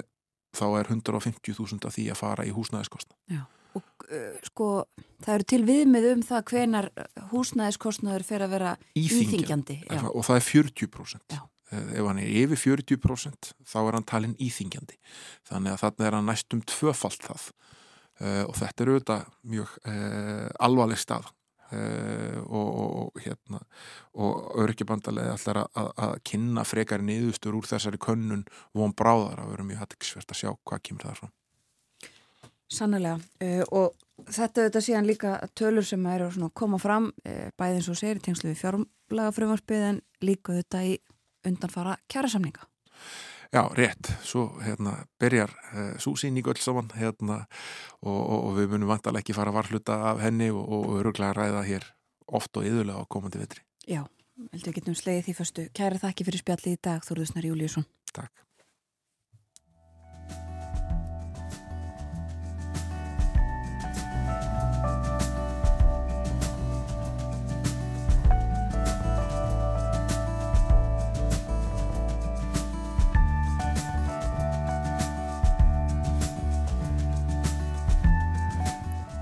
Þorðusnar Júliusson, Ritstjóri Kjarnans, var hjá okkur rættum ímislegt sem við kemur efnahags og samfélagsmálum. Eftir morgun fréttinnar eh, sem eru eftir 6 mínútur eh, þá verðum með okkur Artur Björgvin Bodlason frá Berlín. Við ætlum að ræðum þýsk stjórnmál, eh, umhverfismál líka og svo upp úr klokkan halv nýju þá ræðum við um mannréttindi eða skort á mannréttindum í Katar. Bryndís Bjarnadóttir frá Amnesty International sest hér hjá okkur og segir frá réttindum, réttindaleysi fólks í Katar. Þar fyrr heimsmystaramót Karla í fótbolta fram. Hefst eftir um það byrju mánuð. Og mikið verið rætt um þau mál meðal annars um báastöðu verkafólks. En Bryndís segir okkur nánar frá þessu öllu saman upp úr klokkan halv nýju. En það er komin tími til þess að hleypa að frettastofunni, morgun frettir, þaðan eftir 5 minútur.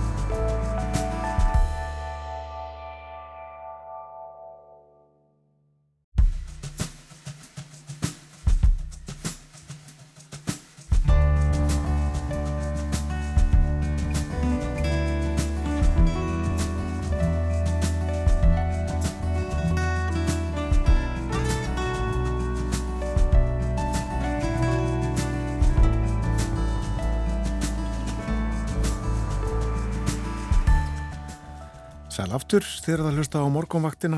Klukkan farin að ganga nýju. Það er þriðu dagur í dag. Og ímislegt framöndan hjá okkur, Erlend málefni. Við ætlum að uh, fjalla um mannrettindi, eða öllu heldur uh, skort á mannrettindum í Katar. Það sem heimsmeistramótið í knastbyrnu hefst eftir réttrúman mánuð. Til okkar kemur Bryndís Bjarnadóttir. Hún er starfsmaður Íslandsdeildar Amnesty International. En nú erum við komin að Berlínarspjalli, eh, rappi um Þísk málefni. Við erum komin í samband við Artúr Björgvin Bodlason í Þísku höfuborginni. Heit og sæl og góðan dag. Góðan daginn. Ég sá í gær og saði frá hér í þættinum að uh, það var vona á hvað, 25-60 að hita í Berlín í gær. Gekk það eftir? Já, já, það gekk eftir. Það var ákvæðið að fallið sumardagur hér í gær og það er svolítið meskilegt hvað 17. oktober skulle vera sumar blíða, eh, þetta er nú eitthvað að kólna, það er smá kuldakast nú, það er komin í 17 gráður, Já. en það verður nú að telja stokkalegur hitti á þessum ástíma. Þetta eru auðvitað eh, skýrst með því að, eh, að, að þessi hlínum gerður er færðin að hafa sín áhrif hér sem annar stað. Akkurat. Áttastega hitti á Íslandi þar sem hlýjast verður í dag hins vegar. Já, en Já. Og kannski bætaði við að hittast í fyrir ekki undir 16-17 gráður hérna næstu tíu dagana, þannig að gullin oktober er í fullum gangi. einmitt það. Við ætlum að uh, ræða annars konar hita, hita í stjórnmálum í Þískalandi í dag. Við verðum uh, svona mest með hugan við stjórnmálinn og uh, við ætlum að byrja á hvað landstingi græningja. Já og við erum þá með hugan en þá við veðrið og veður farið því að lofslagsváin eru þetta stórum mál hér í Þískalandi og uh, það örduðu mjög mikil átök einmitt um þessu efni á flokkstingi græningja núna um síðustu helgi og það var eða tekist á um tvent á þinginu annars vegar hvernig ætti að haga framhalslífi Þískra kjarnorku vera og síðan uh, hvernig, að, hvernig framhald kólavinslu í landinu ætti að líta út. Nú eh, varðandi kjartorkuverðin, það má nú eh, nefna að, að þeirra framhalslíf hefur verið mikið þrætu eppli í Þísku ríkistjóninni og uh, þar hafa uh, græningjar og frjálsið demokrater, þar að segja Habeck, uh, umhverjus og vískittar á þeirra og Lindner, fjármórar á þeirra, tekist mjög harkalega á um það hversu lengi skuli halda þeim kjartorkuverðin sem ennur eftir því Þískalandi starfandi og uh, það eru þetta rétt að nefna svona til skýringar að, að það er mjög erfitt fyrir græningi að gera mikla málameilanir í þessu efni því að uh, seyfingin er ju sprottin upp úr andofunni gegn kjarnorsku verunum eða kjarnorskunni Já. og þess vegna er svona alltaf svolítið erfitt og ekki öðvilt fyrir þá að kvika frá þessari, þessum kjarna í stefnu flokksins og andofið gegn kjarnorskunni var reyndar farið að hafa sín áhrif áður en að kjarnokkurslýsi varði í Fukushima í mars 2011 og, og í kjölfær þess ákvað ríkistjórn Angelu Merkel að öllum kjarnorsku verðum í Þískalandi skildir lokað í áfengum og til þess að gera þessa löngu sögu stittir þá, þá var það sett í stjórnarsáttmála nýju Þísku stjórnarinnar sem að tók við völdum í desember, hér í desember í fyrra. Og samanstendur af jafnaðamönnum, græningum og frjálsum demokratum að, að síðustu kjarnorsku verðum landsins er þið loka fyrir áslokk 2022 þar að segja fyrir lok þessa árs.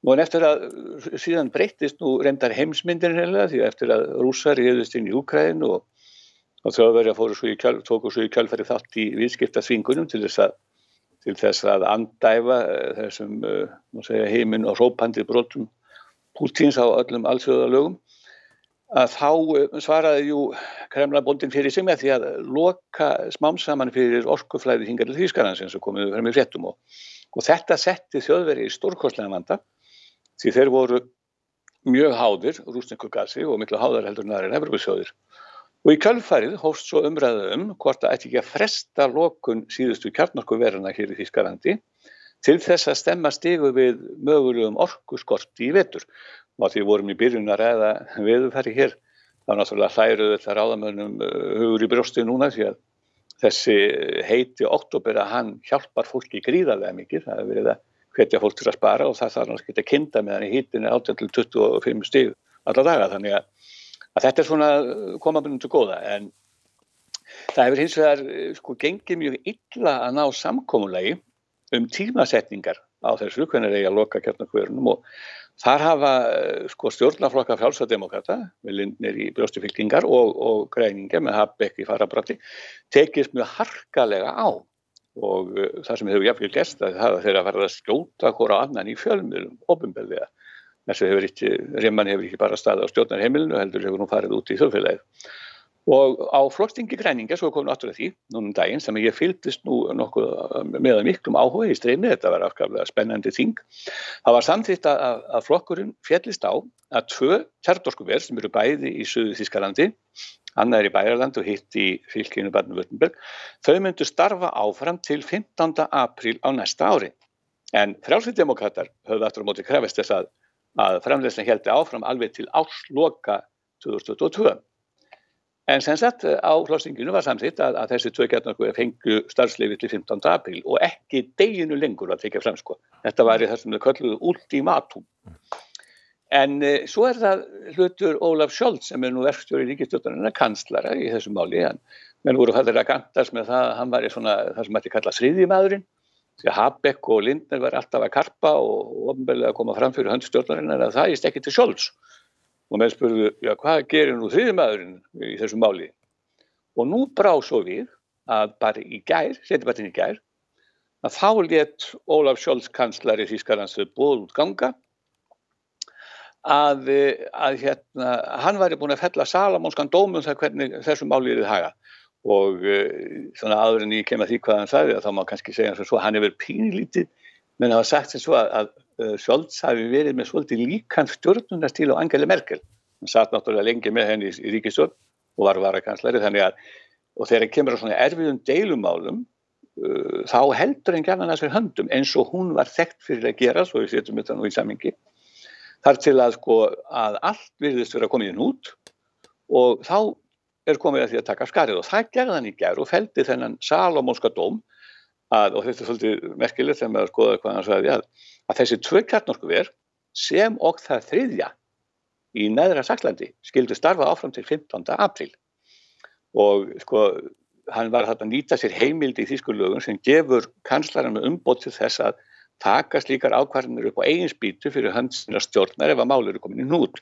Þetta er sérstaklega varnagli í lögunum ef að því þetta er allt saman samstipustjórn í hér eins og við annar staðar að, að sem sagt ef allt verið nút þá má kanslarinn höggva á nútin og í, og í þessu tilvíki fer kanslarinn bíl beggjamarki segja hann uh, ofinbera þarna tölvist mikla stjórnvisku þar að segja uh, tímasettingi stendur 15. april en eftir á móti kemur þetta móts, móts fyrir sjálfsagt demokrata því að bæta þriðja kjartnorsku verinu við og þetta allir auðvitað tölur verið titringi herrbóðum græninga sem voru búin að setja sínum ráðurum eins og ég sagði aðan úrslita kosti með framlengingu þessara feggja kjarnorkuvera á næsta árin.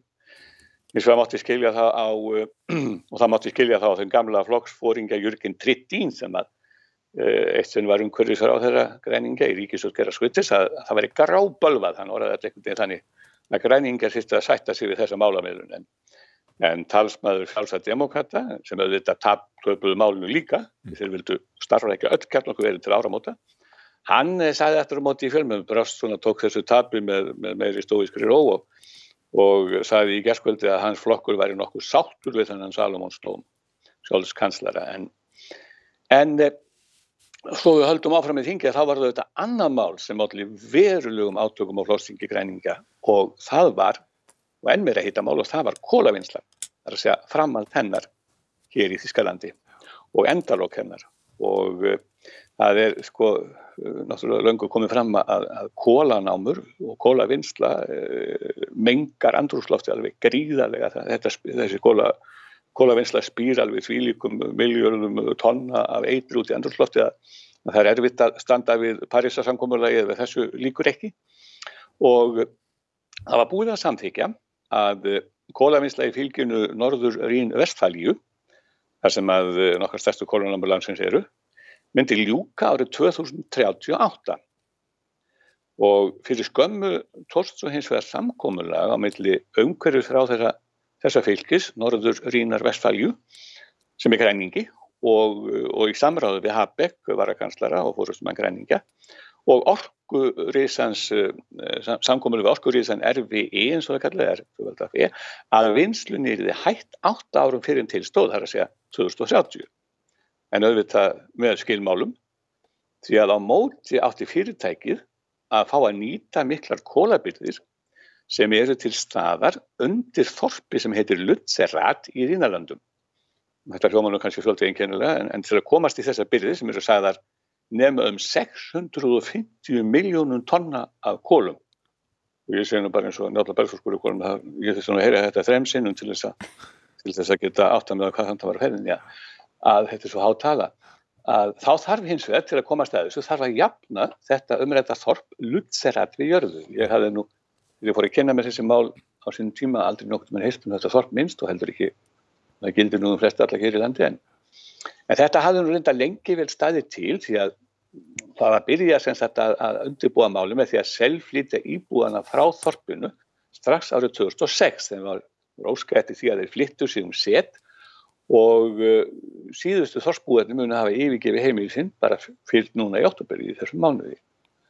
Og eftir því sem maður næstu eru komist þá munu flestir þessari íbúi, þetta er nú ekki, uh, ekki með stórbær, sko ég var að kannar hvað íbúðartölurnar segðu sko árið 2008 þá voru þarna tæmlega 100 mann, þetta er pínlítið þorp þetta er svona bara byggði í kringum eitt stórt sveitabíli og, mm.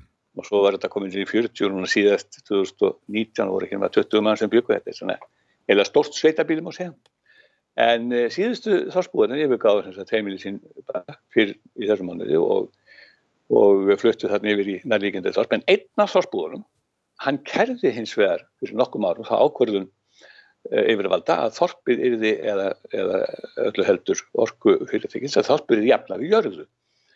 Og til skams tíma hafi verið heilmikið málaferli í gangi. Og þessi umrætti þorspúi, hann heldi fram að, að þessi ákvörðuna, hún stangaðist á við bara þá megin stefnu sískra stjórnvalda að hætta kólavinnslu uh, á næsta árum en það væri hún, uh, breyti hún algjörlega báða við öll markmið í lofslagsmálum sem þíska stjórnin hefur sett sér og þetta veldist í kerfinu þetta mál og eftir mikið jafl og, jaml og föður þá komur stómstóraða þeirri niðurstu nú fyrir skömmu að það væri ekki á skjön við þessi markmið í lofslagsmálum að að jafna þetta um þetta þorp lutserat við jörðu til þess að komast að þeim kólabyrðu sem var undir þorpinu. Og uh, þetta og nú kemur nefnilega rúsinni pilsvendana þetta vildu umhverfis uh, aðdýra sinna alls ekki sætta sig við. Og nú eru þeir búin að koma sér fyrir á, á, á svæðinu til að hindra að stórtækar vinnuvílar sem býða svona eins og rægamar fyrir lutansvæði geti jafna síðustu húsin í þorpinu við jörðu. Og þetta er nefnilega þetta er sko og, og það má segja sko að því við erum að tala um kóla það heitnaði nú heldur betur í kólónum þegar þetta mál var rætt á flostingi græninga, ég vil nú segja alveg eins vera þessi eh, trillir í kringum þetta lutserat er að verða bara eins og merkjaður umhverfis trillir má segja sko, trillir bara eins og þau segja. Já. því að e, þetta gerir, það var ekki sísta þegar að ungliðar í flokknum á þinginu báru fram tilugu um að fresta þessum framkvæmdum í lutserat sem allt fór úr böndunum og verulega hérna í kólunum og, og tilhugunum var vísa frá með afara nömu myrgluta. Sko, venjulega var það þannig á henginu að það þurfti bara rétt upp hönd eða eitthvað spjald til að telja því menn voru yfirleitt í stóru myrgluta sammálum hlutina en þetta þurfti að gera hér til þess að klósa bara på gamla mótan eða svo nönd og láta allar skrifa á, á, á, á miða, bara svona eins og í gamla daga og og það voru mjög sko, af, það voru bara örf á atkvæði sem skildu þá sem að uh, vildu sagt, þá sem stöttu til hana þá sem höfniðinni mm. og, og eftir mjög harkalega til það var mjög forður sko það var, það var svolítið merkilegt sko þegar maður var að fylgjast með þessu flokkstingi að það var bara svona komin uh, græningar, sérstaklega ungliðar hefingir í flokknum fór bara í gamla hamin sem að var á græningu hérna í, í dennin sem maður segir þegar þeir voru svona róttækur flokkur og, og böðu öllum hinnum flokkunum, borgarlega flokkunum byrgin sko því að þetta komu menn upp sem að fluttu þrjumur ræður sérstaklega yngri menn og, og, og meðal þeirra sem að tóku til málsvartan þinginu var, var ungliðin Lovisa Neubauer.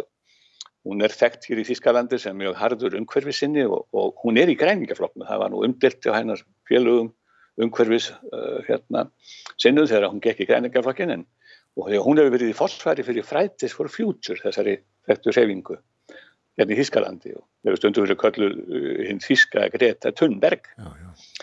En eh, hún flutti mjög ástuðufullaræðu til Varnar Lutzerat og endaði með því að segja og það var svona áhrifamest að þá saði hún að nú færi hún þegar hún líkið þessu talísuna, færi hún út úr húsinu og saminæðist félögum sínum sem stæðu með mótmæla spjöld fyrir utan fundarhöllina og það er svolítið sko merkir þetta, hugsa til þess að á meðan að græningar halda sín landsfundi, menn þekki að þetta var kristilegum eða jafnæðamönnum og þá sé ykkur mótmælunda hópar fyrir utan en að umhverfið sinna skuli standa fyrir utan með mótmáraspjölda með en græningaþingja, það er saðat næsta bæjar. Ja.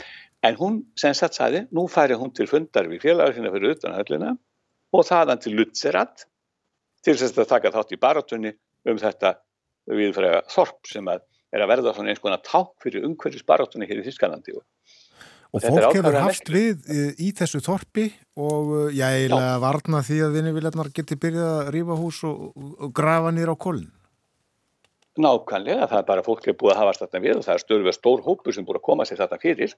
Og uh, þetta er orðið daldið mikið erfitt mál, þetta eru kannski 100 manns, ég, þetta sé eitthvað svona 100 manns þessi aðgjörðarsina sem þarna eru og þetta er býstna erfitt mál vegna þess að, að það væri náttúrulega uh, allt svakalegt fyrir græninga sem að hafa nú löngum staðið í því að, að leggja undir sér svæði sem átt að, að nota fyrir kjartnorsku úrgang eða eða í einhverjum öðrum umhverfis, óumhverfisvænum tilgangi að, að þeir þyrttu nú allt innu sjálfur að fara að fyrirskipa laurugluna að rýma þetta svæði. E, þetta væri, þá væri þeirra að koma sér í aðstöðu sem að er afskaplega ný fyrir þá því að eins og sé, þeir, þeir sem þarna í hlut, þeir voru nú sjálfur svona, að leggja undir sig slík svæði á þessum tíma þannig að, að hérna, þetta er að verða bísnaflókimál og, og, og geti orðið þeim óþægur ljári þúu. Já. Ég var, hafa, hafa yfirveld áhyggjur af ástandinu þarna er óttast að, að, að já, lögregla í áþurfi að hafa afskipti af þessum mótmælendum og fjarlæga þá og komið jafnvel til til átaka. Já, já, ef að marka má það yfirlýsingar mótmælenda að þá er það alveg ljóst að þeir fær ekki sjálfvílu í burtu. Þeir eru búin að segja við bara verðum hér þangar til að síðastu maður verið bórum út á svæðinu en, en einmitt þessar aðlið sko þegar lögreglan fyrir að, að ráðast gegn, hún þarf að rýma svæði samkvæmt lögum, samkvæmt þessum samþyktu þá verður hún að gera það og það er ekkit, ekkit sko, það er ekkit lögningamál að það mun koma til átaka og það líkur alveg ljóst fyrir það. Það verða harkalega átök því að þessir þetta unga fólk er mjög ákveðið í, í, í, sínu málstað og bara stendur fast á því að það, þetta verður ekki gert þetta er svona, þetta er að verða mikið hýtamál þetta er að verða mikið ástríðumál fyrir umhverfis aðgerðað sinna þannig að, að til dæmis að það var einn stúlka sem að flutti þarna ræða á þinginu sem að sæði sko þegar að við sett lögum undir okkur handbókar forst á sínum tíma það var verið að málmæla ef við maður rétt þá uh, að þetta komi fyrir einhverjum, nei þetta rýma alveg rétt þetta reyði í burtu heilu skóar uh, svæðunum, hún sagði en þá eru margir vini mínir sko gerðsamlega með, með tráma út af þessum málum og, og svo ekki um nættur og, og það er eitt sem fórst í þessum aðgerðum sagðun, eitt lífið í þessum aðgerðum og, og margir slösuður þannig að, að hún, hún skoraði sem sagt á græninga á þinginu að samþykja ekki að ráðist yfir í þessar aðgerði því hún sagði þetta getur kostað ef ekki mannslíf þá allavega stórkostleg slís á fólki og þannig að þetta er afskaplega erfitt málum en erum mjög uppgændum að þetta geti farið á allavegu. Emið það, við heyrum kannski nánar af þessu á næstu vikum Artur Björgvin en skulum uh, láta þessu lokið í dag. Kæra þakkir. Takk sem er þess. Lútserat heitir þetta þorp. Já. En uh, það er þriðu dagur í dag, uh, ríkistjórnin fundar líklega í dag, svo íslenska er ekki venlega og ennþá ríkistjórnin fundir á þriðu dagum, Þorun. Það held ég og jú, uh, fundað líklega fyrir hátegi áður en að svo ráðferðarnir mæta einhverjir í þingsal, þingfundur hefst klukkan hálf tvö. Og einhverjir líklega til í að vera að fluga á vegg í ráðferðarbústanum við Tjarnagötu í dag og fylgjast með þessum fundi. Guðmundur Ingi Guðbrandsson félags- og vinnumarkaðsráð þeirra í frettablaðan í dag og frettunum hjá okkur í útvarpinu klukkan átta. Hann er algjörlega á öndurum meði við dónsmálaráðfrann Jón Gunnarsson um uh, móttökubúðir eða flótamannabúðir eða hvaða nú er kallað. Nei, þetta er ekki stefna mín og þetta er ekki stefna ríkistjórnarinnar, þetta er absúrt, segir uh, Guðmundur Ingi. Ég bara skil ekkert hvað Jón er að segja þegar hann er að tala um eitthvað stjórnleysi. Nei, akkurat já, uh, kannski rætt líka um þetta í þinginu í dag en uh, það er komið að yfirleiti Thank you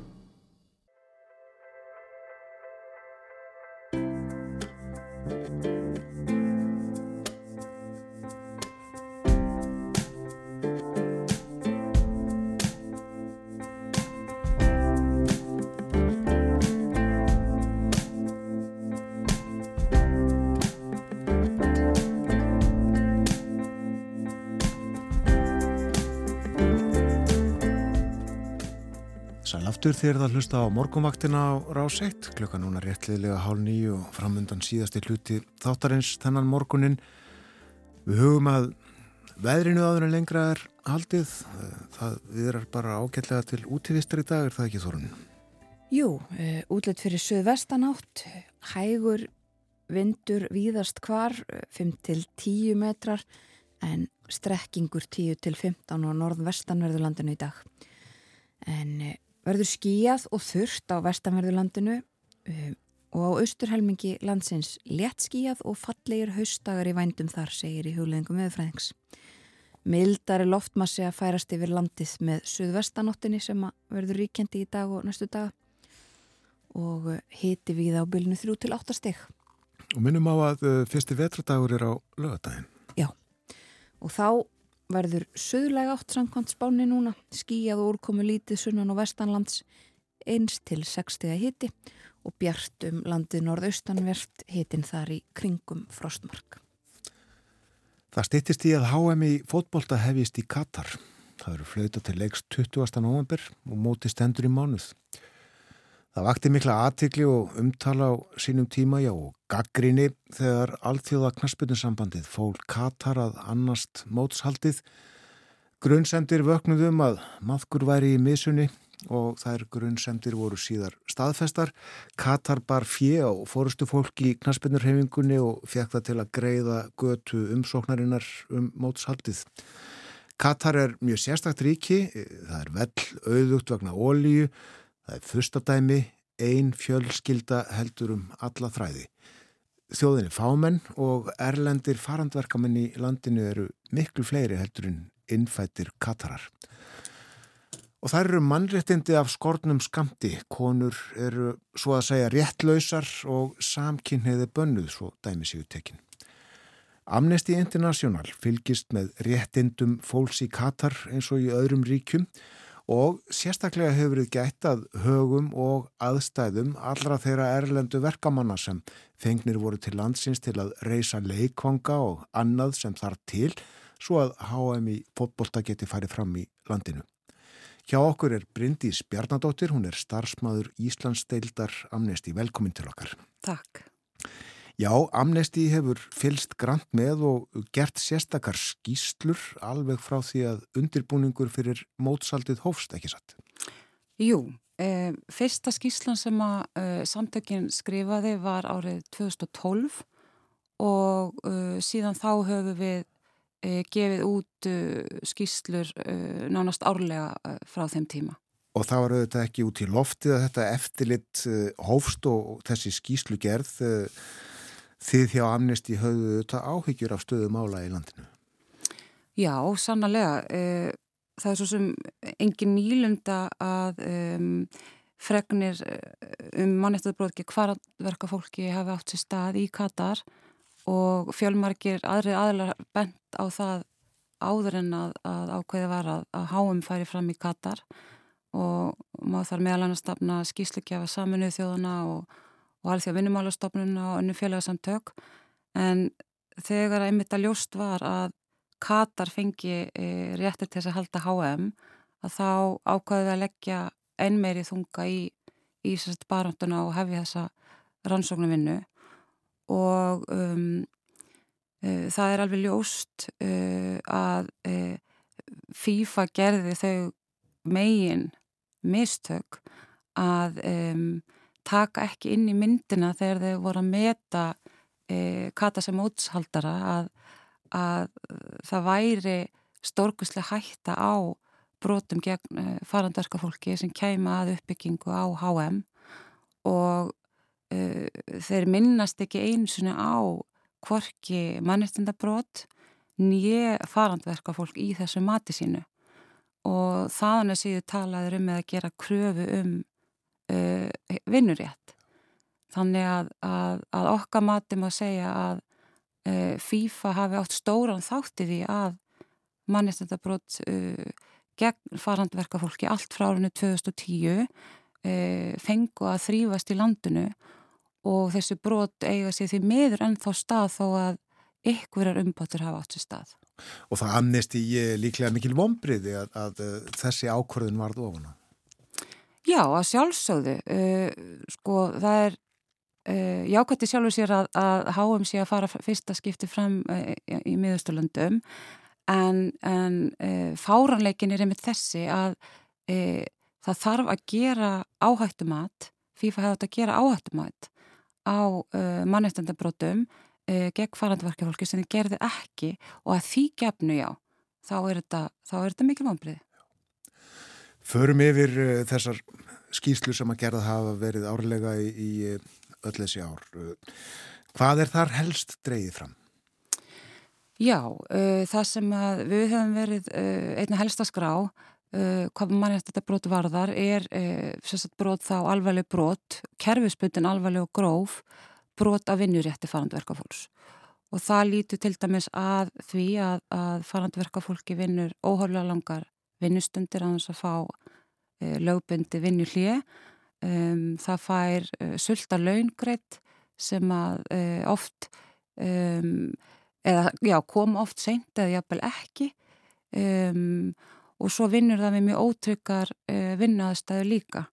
Um, en svo margir vita að þá er, er, er mikil heitu og rækki katar og þetta fólk vinnur allt frá 12 til 14 tíma oft sleitu laust án þess að vinnuvend sér, tryggð eins og með hlýfðarfatnað og öðru þannig að með, með oft alvarlegum af, afreðingum uh, við höfum til dæmis skráð það að um, uh, þúsundir hafa líka látið lífið uh, í Katar frá því að, að uppbyggingin á HM hófst og stjórnvöld hafa látið undir höfuleggjast að rannsaka orsakir þessara döðsfalla uh, hafa oftast uh, talið og skráð döðsfallið þannig að þau stafi af náttúrulegum ástæðum hjarta áfalli eða öðru slíku um, sem að við teljum að segja bara bábilja því að, að það er ljóst að vinna aðstæðar eru hörmular og um, Svo er það líka algengt að vinnuveitendur haldi vegabrefum farandverkafólksins á þess að þurfa að sæta ábyrð á því.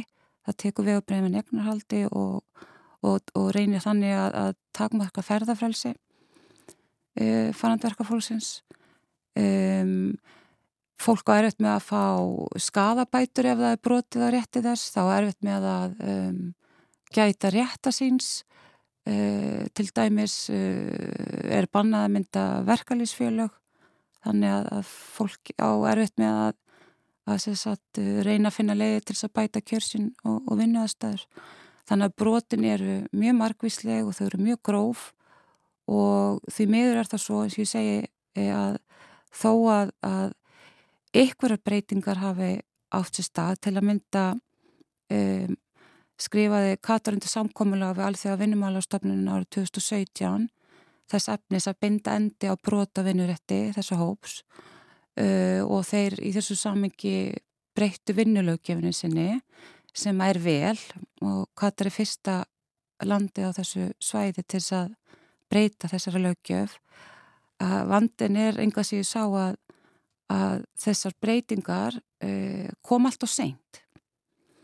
E, það koma eins og ég segi ekki fyrir en árið 2017 og það er þá eftir gífulegan þrýsting meðal annars frá okkur og öðru manni þetta samtökum e, og jábel þó við fögnum þessu framfæri skrifum að þá hafi þessu lög ekki verið innleitt að fullu þannig að þetta er meira orðin en að borði og um, uh, já og, og því miður að þá hérna hefur fæsta farandverka fólk sem að hefur komið að undirbúningi heimsmeistaramótsins E, geta noti þessara e, lagalega umbóta. Þú nefndir e, döðsvöllin, þúsundir hafa látist í, tengslu við framkvæmdir þarna. Þúsundir, þetta er auðvitað mjög svona óræður fjöldi. Er vitað hversu margir hafa dáið nákvæmlega? Nei, því, við erum ekki með eh, nákvæm að tölu á því eh, en eins og ég segi, við vitum að það eru eh, skipta þúsundum og sko vandin alltaf kannski líka er að, að hérna að, að stjórnvöld uh, er ekki að rannsaka þessi döðsföll þannig að, að utanumhald um skráningar eru, eru takmarkaðar. Um, en við veitum líka að hundruð þúsundir hafa slasast alvarlega. Um, og uh, það sem að Amnesty International er núna að fara fram á er að einmitt FIFA, bæði FIFA að því að það er alveg ljóst að, að það er ekki bara stjórnvöldi Kata sem bara ábæra þessu brotu fylgdi fífætni að við erum að fara fram á að, að um, þessir aðalega leggji fram að minnstu kosti 440 miljónir dollara sem uh, skadabætur fyrir þau brot sem að þegar hafa verið framinn á farandverka fólki Katar. Og, uh, og þessi, þessi bótasjóður, svo kallaði sem við erum að fara fram á er, er um, við erum ekki að tala um að þessar 440 miljónir séu eitthvað svona endaletala heldur bara viðmið. Og það þarf að ákveða þessa tölu frekar í, í samræði við verkalýsfélög og alþjóða vinnumálastofnun og fleiri. Um, en, en við teljum að, að e, í samræmi við alþjóðlega mannreitendalug og viðmið að þessum aðalum beri að greiða farandfólkinu bætur og það getur líka snúið að, að ógreitum launum uh, það verður að tryggja það og, og vegna döðsfalla og slísa og, og fleiri Veistu hvernig þið hafa tekið þessu í, í bæði Katar og hjá alltíða knaspinu samantinu? E, þetta er þess að áskoru núna sem við erum með í gangi. Við hefum ekki fengið einn viðbröð e, við þessari kröfu okkar. E, þess bara geta að, að Katar stopnaði sjálft ákveðin bóta sjóð um, um, árið 2018 en um, það hefur reynst uh, uh, farandverkafólki fjölskyldi það eru erfitt að sækja peninga í þennan sjóð, það er svolítið hipsum hapsum uh, hver fær bætunar en uh, við erum vongo, nokkuð vongoð um að, að þetta nái uh, fram að ganga. Já, við fylgjum með því En uh, hvernig hefur verið fyrir uh, fólk á vegum amnesti að uh, fara um Katar og afla upplýsinga? Já, það, ég er svo sem ekki alveg með upplýsingar um það annað en að, að um, við höfum skrifað þessar fjölmörgu skýslur og við höfum sannlega geta, jú, rætt við fjöldan allan af farandverkafólki um, sem er að mestu luta frá uh, Suður og Suðustur Asju og Afriku og við höfum líka rætt við bladamann sem að hérna, í landinu sem að hafa verið að fjalla um réttendi þessa hóps og aðila uh, innan stjórnvalda. Þannig að, að uh, aðgengi hefur jú verið uh, tryggt að þessu marki. Já, já Já, uh, það er fólk uh, úr þessum heimsluta sem að þú nefnir sem að fer þarna til Katar til þess að uh, vinna vitandi það jafnvel að, að það er ekki að fara inn en að vennulega vinnu og, fá almenlega borgað og réttindi tryggð heldur er það eiginlega að fara í þrældum það segir sitt um ástandi heima fyrir hjá þessu fólki. Já, algjörlega það er nákvæmlega málið að Þetta fólk er ofta að koma frá stöðum þar sem að uh, lífskilir eru bábúrin og, og uh, það fer þarna í vonum um betri lífskjör. Uh, ofta tíðum er fólk að senda peninga heim um, en þetta er vægasagt rittilegt fyrir stóran hluta af þessum hópi því að um, margi vinnuvitundir að halda oft uh, launum frá í marga mánuði til þess í raun að halda uh, fólkinu föngu. Uh, það var við líði lengi kerfi uh, sem heitir kafalakerfið sem er eitthvað skonar sponsorship kerfi þar sem að vinnuveitandin hefur ægi vald á starfsfólki sínu með þeim hætti að um, farandverkofólki þarf að byggja um, vinnuveitendum leifi annarkvært til þess að skiptu um vinnu eða til þess að fara á landi. Og þó að þetta kerfi hafi verið afnumið með lögum um þetta náraunum 2017 til 2020 þá er það við líði enn í praksis og það farandverku fólk sem að til dæmis hefur ekki þurft að uh, byggjum þetta leifi, það eru undatekningar að því er samt gert mjög erfitt fyrir að, að skiptum vinnu eða, eða fara úr landi uh, og er, er uh, sett í alls konar búrukratískar uh, alls konar búrukratísku flæki fótur hjá ráðanittunum, atvinnumálaráðanittunum og innanrikisráðanittunum sem gerir það verkum að fólk þarf aftur að býða í marga mánuði bara til þess að fá svar til þess eins að fá neitun. Já Það er margt óskilnilegt við þetta, eh, það er ekki eins og að skorti peningana í Katar. Nei, sannlega ekki, þetta er, þetta er velstætt ríki, það er, hérna, eh, eins og þú segir, það er, það er, þetta er ekki stórt ríki. Og, og hérna eitthvað stað sá ég það einmitt að, að hérna frá, hvað var það, 2010, eitthvað tíman í desember hafi íbúafjöldi farið úr held að vera 1,6 upp í 2,8 sem satt við það að farandverka fólkið e, var komið svona miklu mæli til þess að, til þess að hérna, byggja upp Já. uh, mótið. Fleiri uh, ellendi ver verkamenn ánast í landinu heldur en, heldur en katarar eru í Já, raun. já, já, Og það segir okkur auðvitað að þetta samfélag er borið uppi af uh, erlendu erlendu Já. vinnuafli þetta er, þetta er er, þannig sem litið á það. já, fyrir ekki, svo eru aðstæður einmitt hérna e, farandverka kvenna jafnvel ennveri því þær eru oft mjög einangrað á heimilum vinnveit þetta þú veist það sem er bæði búa og starfa og um, í samtölum amnisti við fjöldafarandverka kvenna þá komum við til ljós að þær eru til dæmis mjög hrættar við að, að e, fara fram á atvinnuflutning. Það er hérna kom, var sérstaklega áberandi í þeirra máli af því að ef að er sækja til dæmis um leifi hjá einaríkisrandinu eða atvinnumálurandinu þá lætur ráðuneytu oft vinnuveitundur vita uh, og það stopnar því með hættu á hemdaraðgerðum, til dæmis að vera sendar aftur til síðs heima og einmislega þannig um, og uh, kynferðis, kynferðis ofbeldi er líka algengt á þessu konum þannig að um, já, þannig að, að ástættið er mjög slæmt, sérstaklega fyrir konur. Já. Fátt ekkert uh, gott um þetta að segja. Nei, því miður. Við höldum áfram að fjalla um Katar og heimsmeistaramótið í fótbolta síðar hér á morgunvaktinni en uh, segjum þessu lokið í byli kæra þakki fyrir að vera með okkur Bryndis Bjarnadóttir. Takk fyrir mig. Bryndis, starfsmæður Íslandsdeildar Amnesty International.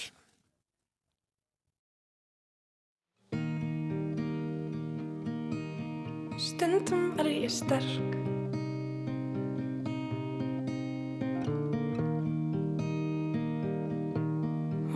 stundum get ég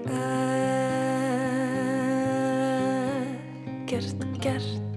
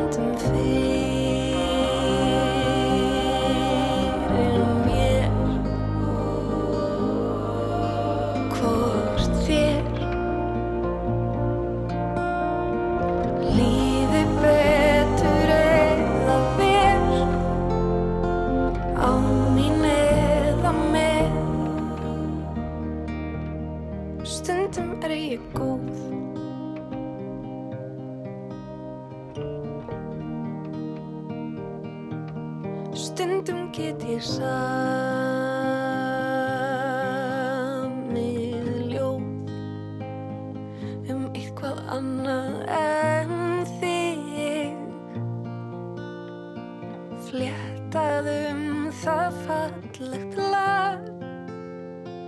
Tókst það ekki dag.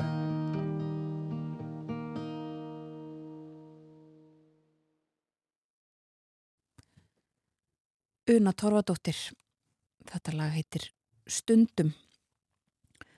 Og við leikum það í kjölfar spjáls við Bryndisi Bjarnadóttur frá Íslandsdeild Amnesty International. Hún rætti við okkur um mannréttinda broti Katar. Það er uh, mánuður um það beil þanga til að flauta verður til leiks á heimsmyndstaramóti Karla í Knaspinu þar í landi.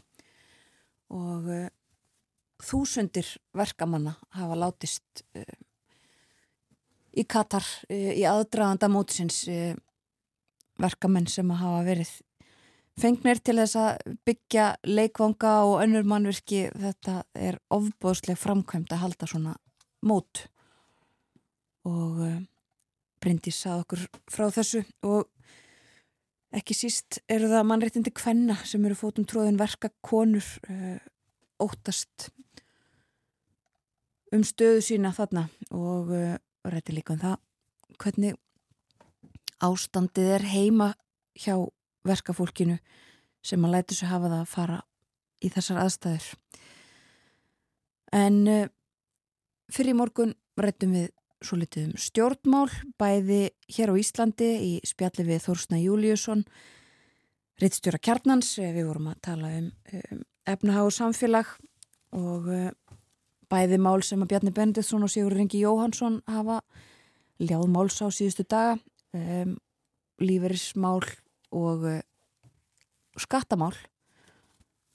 Og svo rættum við um þýsk stjórnmál við Artúr Björgvin Bodlason uh, þar eru orkumál umhverfismál mikið til umfyllunar kjarnorku veru kólanámur stendur til að jafna lítið smáþorp í Þýskalandi við jörðu til þess að ná þar upp kólum í miljóna miljóna tonnatali var það ekki? Jú okkur ót, ótrúleitt magn kólað þarna undir þorpinu. Já, og á að gera það í skiptum fyrir að hætta kólavinnslu nokkrum árum fyrir en áður var áformað.